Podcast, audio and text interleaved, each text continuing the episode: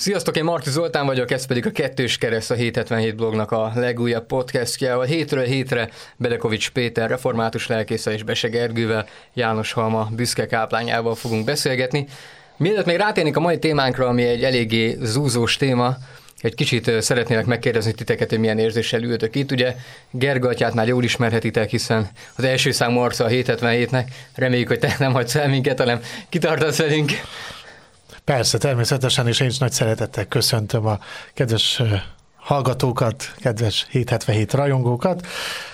Természetesen szolgálunk és védünk, ameddig a karantén el nem zár bennünket, így hát én ameddig lehet, addig szolgálom a közösséget, így hát nagyon örülök, hogy itt lehetek. Bedekovics Petit is ismerhetitek, volt vele már interjú, illetve részt vett többek között a Szeretett Himnuszos kampányunkban is.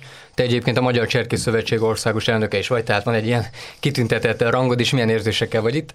Sziasztok, én is mindenkit szeretettel köszöntök.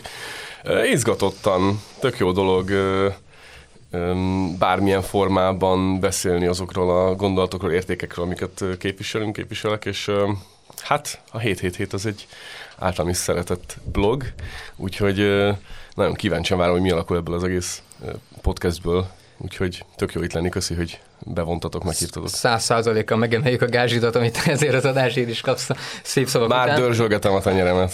Az első témánk, amelyel a mai adásban foglalkozunk, valóban egy eléggé zúzós téma, az abortusz kérdése, ami az elmúlt hetekben felkorbácsolta a kedélyeket. Az lenne a kérdésem, két eldöntendő kérdést tennék föl nektek, hogy kimondottan röviden válaszoljatok, mert ha nem, akkor utána nem fogunk tudni miről beszélgetni, tehát később kell kifejtenetek a válaszotokat. Az első kérdés, van-e olyan eset, amikor szerinted az abortusz elfogadható, Peti?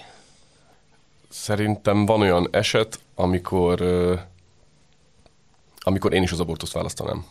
Gergatya? Igen, van olyan eset, amikor nem tudsz más irányba elindulni. Második kérdés, támogatnád-e, hogy az abortusz törvényt szigorítsák Magyarországon? Gergatya? Határozottan igen. Peti? Én is. Jó, akkor, hát akkor az, nem mondhatjuk, hogy távol állnak az álláspontok, ezt már most láthatjuk, viszont talán az első kérdésre adott válaszatok meglepő lehet, tehát, hogy van olyan eset, amikor az abortusz elfogadható, mik ezek az esetek? Például Peti, mit tudsz mondani? Fú, hát e- ezt anélkül megválaszolni, kicsit bővebben belemenjek, azért nehéz. Nyugodtan Alapvetően a... Tehát az abortusznál szerintem a legfontosabb gondolat az, hogy hogy, hogy, hogy nem csak az anyának és nem csak az apának a jogairól kellene végre beszélni, hanem a, a magzatnak a jogairól is. Meg, a, meg arról, hogy nem csak a, az anyatestéről, meg az apának a, a utódlásáról, meg nem tudom mi, mieiről van szó, hanem, hanem az a magzat, az egy, az egy Isten által ajándékozott élet, és bárki bárhogyan gondolkodik a magzatról, neki is vannak jogai, és nem része az anyának a testének, és nem se az apának, se az anyának nem a tulajdona, hanem egy önálló létező, bármilyen formában is van jelenleg. És innentől kezdve azt gondolom, hogy, hogy a, a női szabadságharcosoknak a, a, a női jogokért való, ami egyébként nagyon fontos, és, és azt gondolom, hogy, hogy sokkal többet kellene beszélnünk Magyarországon is például a női jogokról, mint amennyi szó van róla, de ennek a magzatnak az élete nem az, az anya jogai közé tartozik szerintem. Éppen ezért az alapállásom az, hogy, hogy a magzat élete az, az nem lehet egy bármilyen ilyen személyes döntésnek a kérdése, hanem gyakorlatilag az abortusz az ennek az életnek az elvétele, és ezért szerintem gyilkosság. És ez egy nagyon dura mondat, de azt gondolom, hogy ez, a, ez, a, ez az alapállás. És az, amikor azt mondtuk mind a ketten, hogy és mégis van olyan helyzet, amikor, amikor azt gondolom, hogy, hogy tényleg, hogy nincs más út, azok tényleg szélsőséges és nagyon-nagyon rendkívüli esetek, és azt gondolom, hogy nagyon kevés eset, nagyon kevés eset, amikor az anya élete veszélyben van, és a közül kell választani, hogy mind a ketten meghalnak esetleg, a magzat is és az anya is, vagy csak a magzat hal meg, akkor azt gondolom, hogy, hogy Hát nem, nem tudom elképzelni, hogy valaki úgy döntsön, hogy, ne az anya, hogy az anya életét nem mentsük meg, főleg, hogyha mondjuk van még két-három másik gyerek, aki otthon várja az apával. Tehát, tehát ilyen helyzeteket tudok elképzelni, és ezek egyébként mindenféle irodalomban bőven fel vannak sorolva, hogy mik ezek a szélsőséges és határesetek, de, de ez nem a főszabály, hanem ez a, ez a rendkívül erős kivétel. Maxisan egyet értek, tehát én is azt mondtam, amikor az anya életét veszélyezteti, hiszen hogyha ott történik egy abortálás, és az édesanyja túléli akár azt a veszélyhelyzetet, akkor utána még szám több baba születhet, mint amennyi most ott abban az esetben ö, meghalt. Azonban nagyon fontos, mikor a női jogokat ö, kiemeljük, akkor örülnék, hogyha a női jogoknak a előre tolása és ennek a propagálása mellett ö, lennének kötelességek is. Tehát, hogy nagyon szép és jó, hogy igen, az én testem, az majd én döntök róla, csak hogy hol van itt a felelősség. Tehát, hogy az, amikor arról beszélünk, hogy magzatvédelem, és hogy abortuszra kerül a sor, azt egy testi találkozás megelőzi. Tehát, a, tehát a gólyát lehet szidni, de nem a gólyáról van szó. Tehát ott azért most, akik itt hallgatnak bennünket, lehet, hogy ö, meglepődnek, de a férfi és a női test találkozása, és annak a következménye lesz a megfogant élet, és nem attól, hogy ö, mit tudom én, török sorozatokat nézek. Tehát, hogy ö, nagyon fontosnak tartanám az, hogy ezt a fel, fajta felelősséget, amikor a nők magukon fogják viselni, akkor beszélhetünk arról, hogy a, a női ö, emancipáció és a, a, a nőik, nőknek a szerepének az erősödése a társadalomban, az onnan kezdjük azt tudja mondani, hogy nem. Mert ennek következménye van a felelőtlen szexuális együttlétnek, amiből szüle egy magzat megfogan, akit halálra ítélünk. És hol van itt a férfinek a felelőssége? A férfinek a felelőssége ugye természetesen a férfi egy vadász. Tehát a férfi, mint egy vadász, akinek a, a hormonjai azok ugye tizenéves kortól a, iszonyatosan beindulnak a különböző mondjuk online e, médiumok és termékeknek a következtében is, és mindenképpen el akarja ejteni a vadat, hiszen lemaradok, ciki az osztályban, nekem nem volt csajom, e, nem feküdtem, még szűz vagyok, stb. És e, hát a nőkön rengeteg múlik. Tehát itt jön, az a, itt jön a, a női szerep, mert a nők tudják igazán azt mondani, hogy megállj. Tehát, hogy nem. Tehát, hogy én ö, megvárom a nagy őt, az igazit, meg nem így, tehát nem rontunk be ajtóstól a házba, és akkor jön a felelősség teljes gondolkodás és viselkedés, és én ezt nagyon hiányolom. Tehát akkor, amikor ma Magyarországon az abortusz, az fogamzásgátló eszköz. Tehát ez egy, tehát ugyanúgy, mint az óvszer, vagy a fogamzásgátló tablet, tehát nagyon sokan az abortuszt az ilyennek használják. Ha majd lesz valami, akkor esemény utáni tablettával abortálom, vagy majd a ö, orvosnak majd elveszi. Tehát, hogy ez a szóbeszéd a, a fiatalok között, és az a baj, hogy tehát nem azt látják ebben, hogy ez egy gyilkosság, mondjuk ki tényleg megint, megint elveszítettem ezer követőt a közösség oldalról, de hogy, hogy ezt kell kihangsúlyozni, hogy, hogy ha fogamzásgátlásként használjuk, akkor lesznek a sok tizenévesek áldozatai ennek a, a fajta beavatkozásnak. Ha az abortusz gyilkosság, akkor sokan azt mondják, hogy az abortusz elkövető nők gyilkosok. gyilkosok. De látjuk azt is, hogy amikor valaki ezt mondja, akkor azért nem a társadalmi párbeszédet segíti, hiszen az, aki abortuszra megy, az talán nincs is tudatában annak, hogy mit követel, nem, Peti? Én azért azt nem mondanám, hogy ez, ezt a mondatot így, hogy, hogy aki abortuszra megy, az gyilkos, bár logikusan következik az előző állításból. Azt gondolom, hogy az a társadalom, amelyik ilyen könnyedén elfogadja az abortuszt, az a társadalom gyilkos. És nekünk gyilkos társadalmunk van. És hogyan lehet ezen változtatni? Azzal, hogy például beszélünk róla, mint most.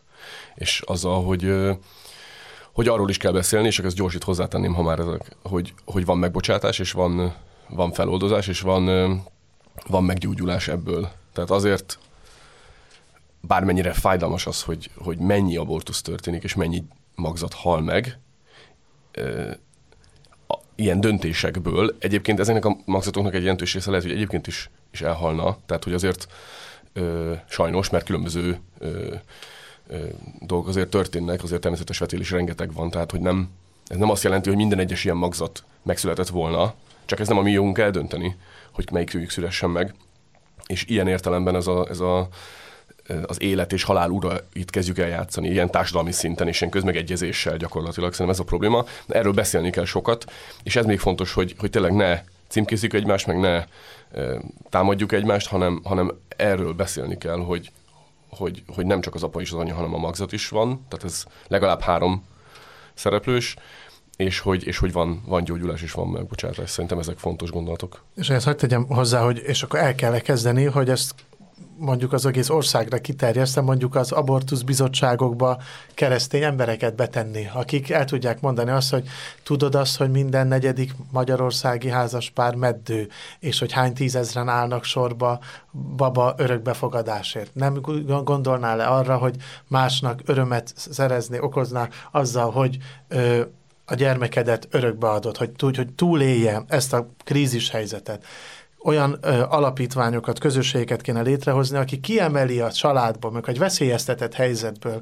a tinédzser lányt, és mondjuk egy évre tudnánk nekik biztosítani olyan otthont, ahol tanulhatnának is, és odafigyelnek arra, hogy az a magzat egészségesen nőjön fel, zárójel. Hány orosz vagy magyar laktanya van üresen Magyarországon, és megy az enyészetnek, és hány ilyen anyamentő otthont lehetne belőle létrehozni, ahol, ahol iskolai tanulás van, és közben pedig életet adhatnak.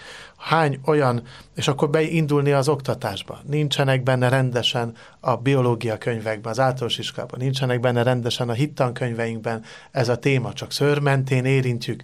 Ugye a tíz parancsolatnál, ugye a ne paráználkodból el lehetne jutni eddig, de hát ugye nálunk harmadik, negyedik osztályban van első áldozás, az még nagyon korai azért ehhez, de már beszélni kell róla, és tulajdonképpen én egy ilyen kampányt is indítanék, hogy ha engedtessék már meg, hogy a másik félnek a vélemény is elhangozzon egy olyan témában, amelyben Magyarországon minden második ember érintett. Ezt szögezzük le pontosan, hogy itt nem csak arról van szó, hogy a nem keresztények között ez valami divat lenne az abortusz, és a keresztények egyáltalán nem lennének érintettek, hanem rengeteg keresztény család, nem csak nő, család érintett ebben a kérdésben. Ugye mind a ketten a szolgáltatók során elképzelhetőnek tartom, hogy találkoztok olyan emberekkel, akik vagy már döntöttek az abortusz mellett, vagy még gondolkodnak az abortuszon. Volt, -e, volt ilyen példa az, az életetekben?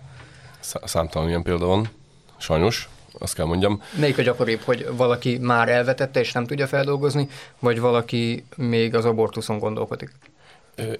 Én mindkettővel találkoztam már inkább a, az, az előbbivel, tehát azokkal, akik már túl vannak rajta.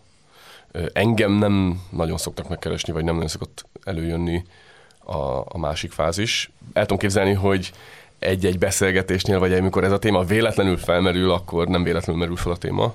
Meg amikor valaki mesél arról, hogy egy ismerőse, ugye ismerjük ezeket a megoldásokat, ezek nagyon jó megoldások egyébként szerintem, hogyha valaki fél attól, hogy ezt, ezt bevállalja hogy ő ezen gondolkodik, vagy ilyen helyzetben van, bár biztatok mindenkit a hallgatók közül is, hogyha ha ilyen helyzetben van, keressen valakit. Ha nem pap, nem lelkész, nem, nem az a lényeg, valakit, akivel ezt meg lehet beszélni. Ö, mert, mert ezt egyedül végigcsinálni, bármi is lesz a döntés, az nagyon kemény. Ö, és vannak nagyon sokkoló esetek is. Én elmondom a legdurvábbat, nekem volt egy hittanosom, hetedik osztályt úgy kezdtük, hogy a kislány éppen abortuszról egy pár hete volt abortusza, és az a fajta kérdés, amit itt, itt, itt Gergatya mondott, hogy, hogy oktatásban kellene nagyon erősen képviselni, hát nem csak a keresztény álláspontot, hanem egyáltalán a tényeket, meg a biológiai kereteket, senki nem akar erről beszélni. A biológia tanár az osztályfőnökre mutogat, az osztályfőnök a hittantanára mutogat, a hittantanár széttárja a kezei, a karjait, ő amúgy, amúgy is csak ilyen óraadóként jön, mindenki, majd az orvos, majd a védőnő, majd a nem tudom ki elmondja, meg majd a család, mert otthon kellene, a szülő azt mondja, hogy mert az iskolában, és végül senki nem mondja el. És például ebben a hetedik osztályban én elmagyaráztam ezután, nagyon sokat foglalkoztunk évközben ezzel a témával, hiszen a gyerekek nem hülyék, a gyerekek pontosan tudták azt, hogy mi történt az osztálytársukkal, vagy hát nem pontosan, de tudták. És hát legnagyobb meglepetésemre ez az érintett kislány sem tudta, hogy hogyan lesz a baba. Tehát én úgy magyaráztam az osztályban, hogy világosan az ő válaszaiból, bár ő volt legjobban képben azért az osztályban, ő sem tudta, hogy pontosan hogyan lesz a gyermek, tehát ez egy teljesen megdöbbentő dolog szerintem.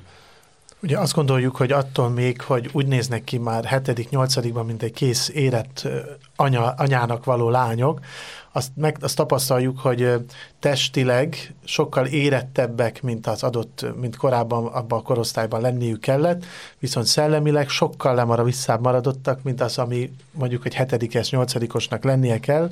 Ezért csalóka a kép, és ezért gondolják azt a szülők, hogy hogy az élet és az internet világában a gyerek már minden információt összegyűjtött ahhoz, hogy két lábbal a földön el tudja dönteni, hogy meddig megy el, egy olyan ö, párkapcsolatban, ahol tulajdonképpen mindenki a tűzzel játszik, de nem tudják, hogy ez a tűz ez megéget, meg pont én velem történhet ilyen. Tehát ez a fajta ö, szkeptikusság, hogy mással történhet, de velem ugyan nem, és hogy itt az én, amivel én többször a gyontatószékben persze ö, találkoztam, az az a fajta ö, lelkiismert furdalás, ö, önvádas, önvád és, és fajta depresszív állapot, amit ugye az okozott, hogy többet nem lehet gyerekem. Hogy mondjam meg a mostani férjemnek, hogy nekem az előző kapcsolatomból olyan abortuszom volt, ami későn ke- tudták elvégezni, nem volt egyszerű beavatkozás, a mélyfalamat hazavágták, és nem tapad meg most a magzat, és állandóan elvetélek, de nem merem elmondani a férjemnek, hogy, hogy mi történt korábban. Vagy olyan, amikor ugye ez, ez azt hiszik, hogy az emberek, hogy csak a filmekben van, hogy amikor me- egyszerűen írtózik attól, hogy a korosztályában valaki bejelentse, hogy babát vár, és felrakja azt a közösségi oldalra, meg mutatja, hogy most született meg, és gratuláljunk, kirázza a hideg, sírva fakad, és hát itt van az a fajta lelki teher, amit hordoznak, és ez az álságos ezekben a orvosi beavatkozásokban, ezeknél a gyilkosságok, nem ezért hangsúlyozunk ki továbbra is, hogy senki nem beszél arról, hogy hogy ennek azért lelki következménye a testi, és a lelki következményeket, ha a kettőt összeadod, akkor lesz egy élő roncsunk 16, 17, 18, 20 évesen, és akkor persze, hogy utána párkapcsolati csalódások, nem megy, nem tud feloldódni a férfival, tehát sok-sok olyan probléma, ami miatt akár a, a meddőség állapotába is kerülhet. Tehát, hogy ezt kellene valahol eljuttatni mindenkihez, de természetesen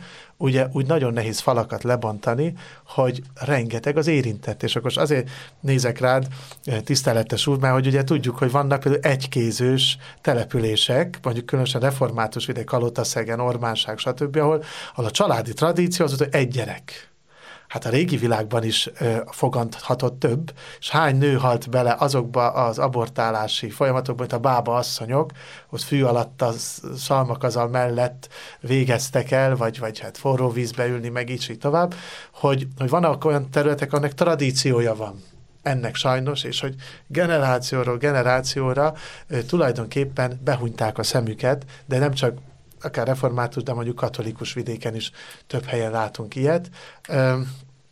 Ez az, ami, amin, amin nagyon-nagyon nehéz változtatni, de az, hogy így beszélünk róla, ez már egy fantasztikus lépés. Érdekes, mert amit mondtok például, Petinek a példája, hogy egy hetedikes lánynál ez mennyire nem, nem volt a tudatában azzal, hogy mit csinál, ez felveti a szexuális felvilágosításnak a kérdését. Viszont ez nagyon máshogy ítéli meg a világ, és nagyon máshogy a kereszténység a szexuális felvilágosítást.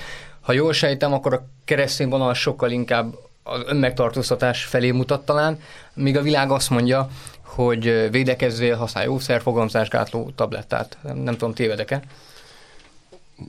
Nem tudom, hogy a keresztény világ hogy kezeli a szexuális felvételt, azt tudom, hogy én hogyan ö, állok hozzá, vagy tart, tartom. Azért szerintem annyira nem különbözik, mert, mert az, az első lépés az, hogy, hogy el kell magyarázni részletesen, ez a tapasztalatom részletesen, hogy pontosan mi hogyan történik. Ö, én ezt mind, gyakorlatilag minden ö, felsős hittan ö, megteszem minden alkalommal. Most mondjuk néhány éve nem tanítok hittan, de, de ez, ez egy olyan gyakorlat, amit, amit nagyon sok óvásának ellenére megtettem, mert azt láttam, hogy nagyon-nagyon-nagyon nagy szükség van, és pontosan az, ahogyan engem próbált mindenki, a tanároktól, a lelkész kollégáktól kezdve lebeszélni arról, hogy ezt csináljam egyébként hittanórákon, mert hogy amúgy az én dolgom természetesen, mert hogy senkinek se a dolga végeredményben. Tehát azt gondolom, hogy, hogy az nagyon fontos, hogy legyenek tisztában azzal, hogy mi történik, mert ezzel nincsenek tisztában már eleve. Tehát addig szerintem akár a, az arra való biztatás, hogy offset meg izét hogy kell használni, akár arra, hogy, hogy ne, ne csináld, vagy, vagy legalább felelősségteljesen dönts, vagy ilyesmik.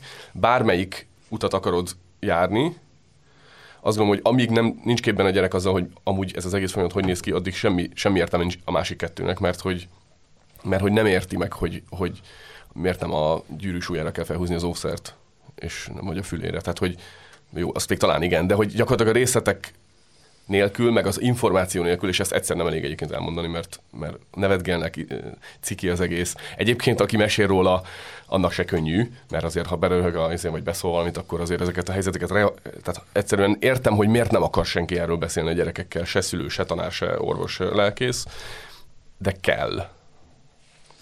Ugye abban kimerül a általános felvilágosítás, hogy bemegy a védőnő, vagy a magát szakembernek nevező illető, kiképzett harcos, és szétoszt egy doboz offszert, minden fiú, mindenkinek ad egy darabot, és azt mondja, hogy akkor ezzel le is tudtuk a, a felvilágosítást, és akkor azzal telik két nap, hogy mindenütt a gyerekek a felfújt offszerekkel fangálnak a folyosón, és minden olyan helyre teszik, hogy legkellemetlenebb legyen, amikor az ablakon kirakják, és az egész utca azt nézi.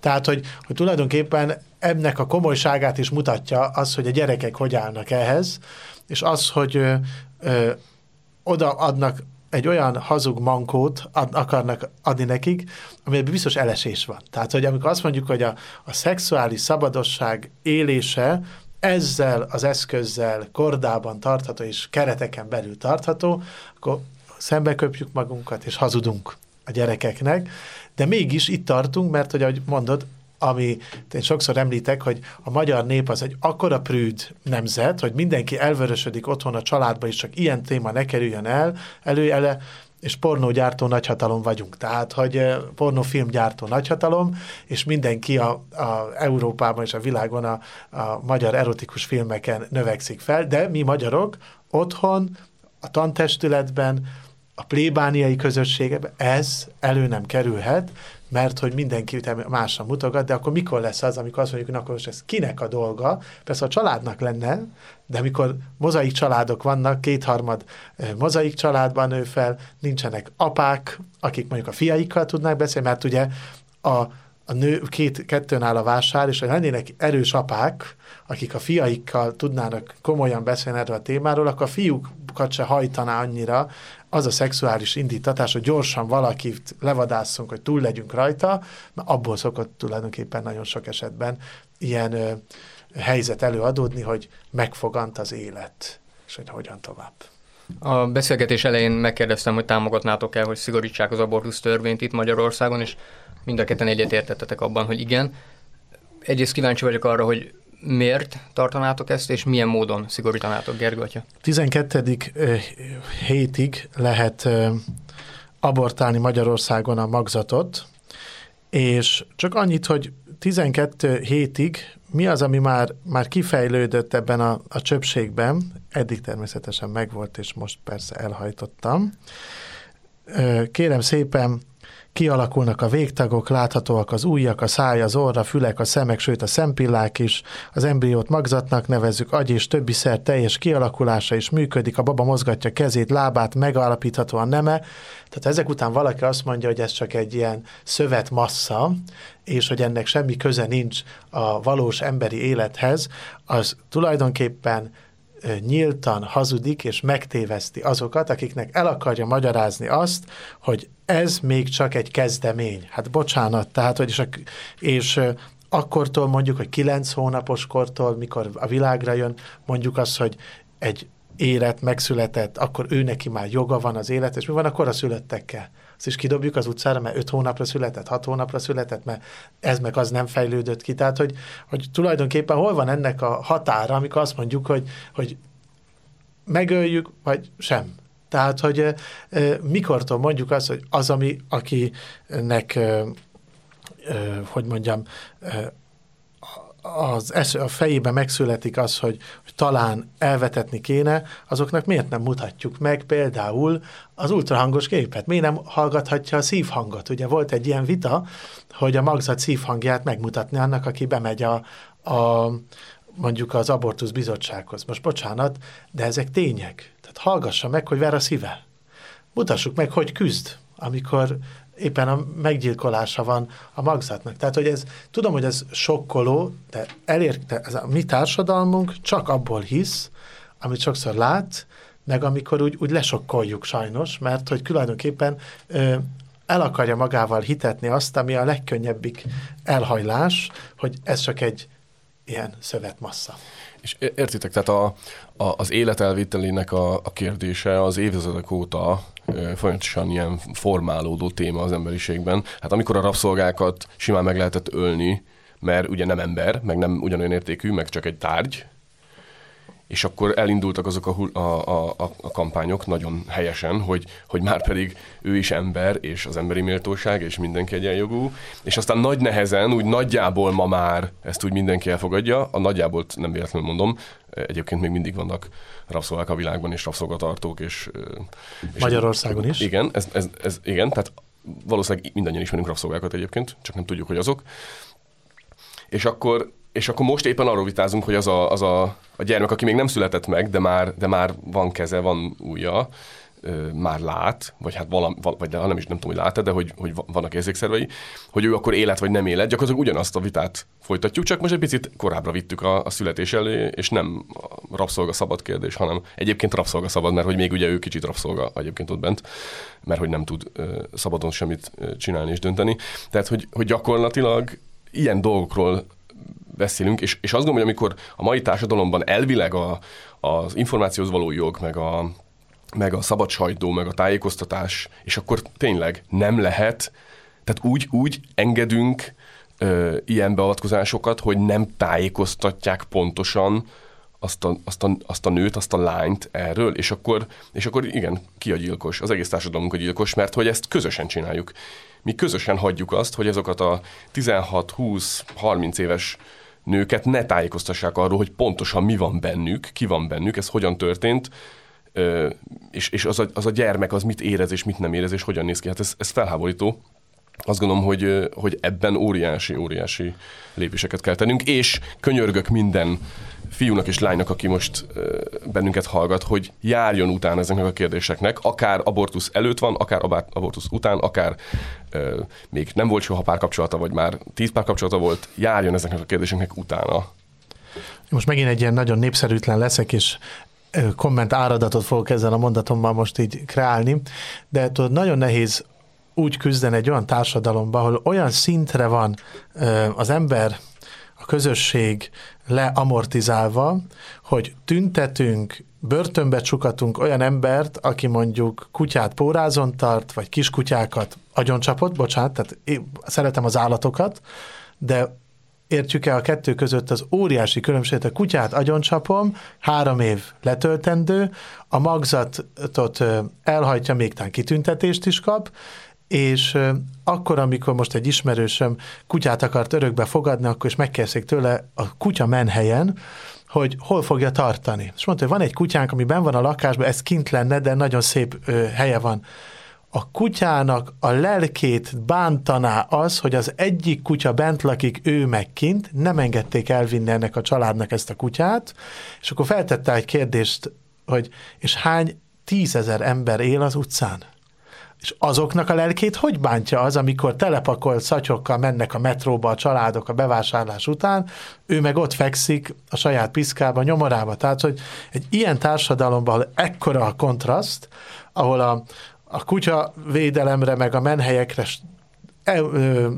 százmilliókat adnak egy százalékot az emberek az adójukból, az életvédelem, a családok támogatására, hajléktalanak ellátására pedig töredékét. Tehát, hogy így egy olyan szélmalom harcot folytatunk, amit mondan tennünk kell, mert hogy a lélek ott folyal akar, tehát, hogy mi mondjuk, meg a magvető példája is, hát hullik oda, ahova hullik, de mi tesszük a dolgunkat, csak hogy, hogy ilyen ö, helyzetben állunk a frontvonalon, hogy hát érdemes küzdeni, csak nem egyszerű. Igen, és talán legalábbis a személyes véleményem szerint nem is feltétlen az a baj, hogyha egy kutya agyoncsapása miatt valaki három év börtönbüntetést kap, hanem talán itt az egyensúly az, ami... Így van, így van, így van. Vagy utolsó kérdés, egy tipjáték így a végére, bár azt hiszem, hogy ehhez a témához a játék, mint szó, borzasztóan hülyén hangzik, de szeretném, hogyha megtippelnétek, hogy 2018-ban Magyarországon a Központi Statisztikai Hivatal adatai szerint hány abortusz volt? Hát én olyan 30 és 40 ezer közé tenném egy ilyen gödöllő nagyságú lakosságot. 26.900 a, a helyes adat. És az lenne az érdekes, hogyha tudnánk, hogy ez ö, átlagban hány éves korban következik be. A legtöbb abortusz a 15-19 éves korosztálynál volt ebben az évben egyébként. Ez ö, teljesen más trend, mint Európában, ahol inkább az egyetemista korosztály, a 20-24 év közötti, nálunk pedig a, a gimnazista korosztály. Egyébként ez egy iskola lelki számára talán különösen fájó. Hát ez, szóval ez az, amit ö, mi az a frontvonalon látunk, és sokszor nem tudunk mit tenni vele, mert hogy mindenki elzárkózik attól, hogy, hogy segítsünk, pedig hát, és én véleményem szerint ez az adat az rosszabb lesz az elkövetkező években, tehát ez lejjebb fog menni. Nagyon szépen köszönöm a beszélgetést, Gergő, Atya, Peti, mind a kettőtöknek. Érdemes lesz jövő héten is hallgatni bennünket, hiszen akkor az együttalvástól egészen az összeköltözésig témáról fogunk beszélgetni. Ti a kettős kereszt első adását hallottátok, hallgassátok a 777 többi podcastjét is, ne felejtsetek el feliratkozni a Spotify-on, illetve ahol még lehetőségetek van, illetve várjuk témaötleteiteket, kérdéséteket is. Sziasztok!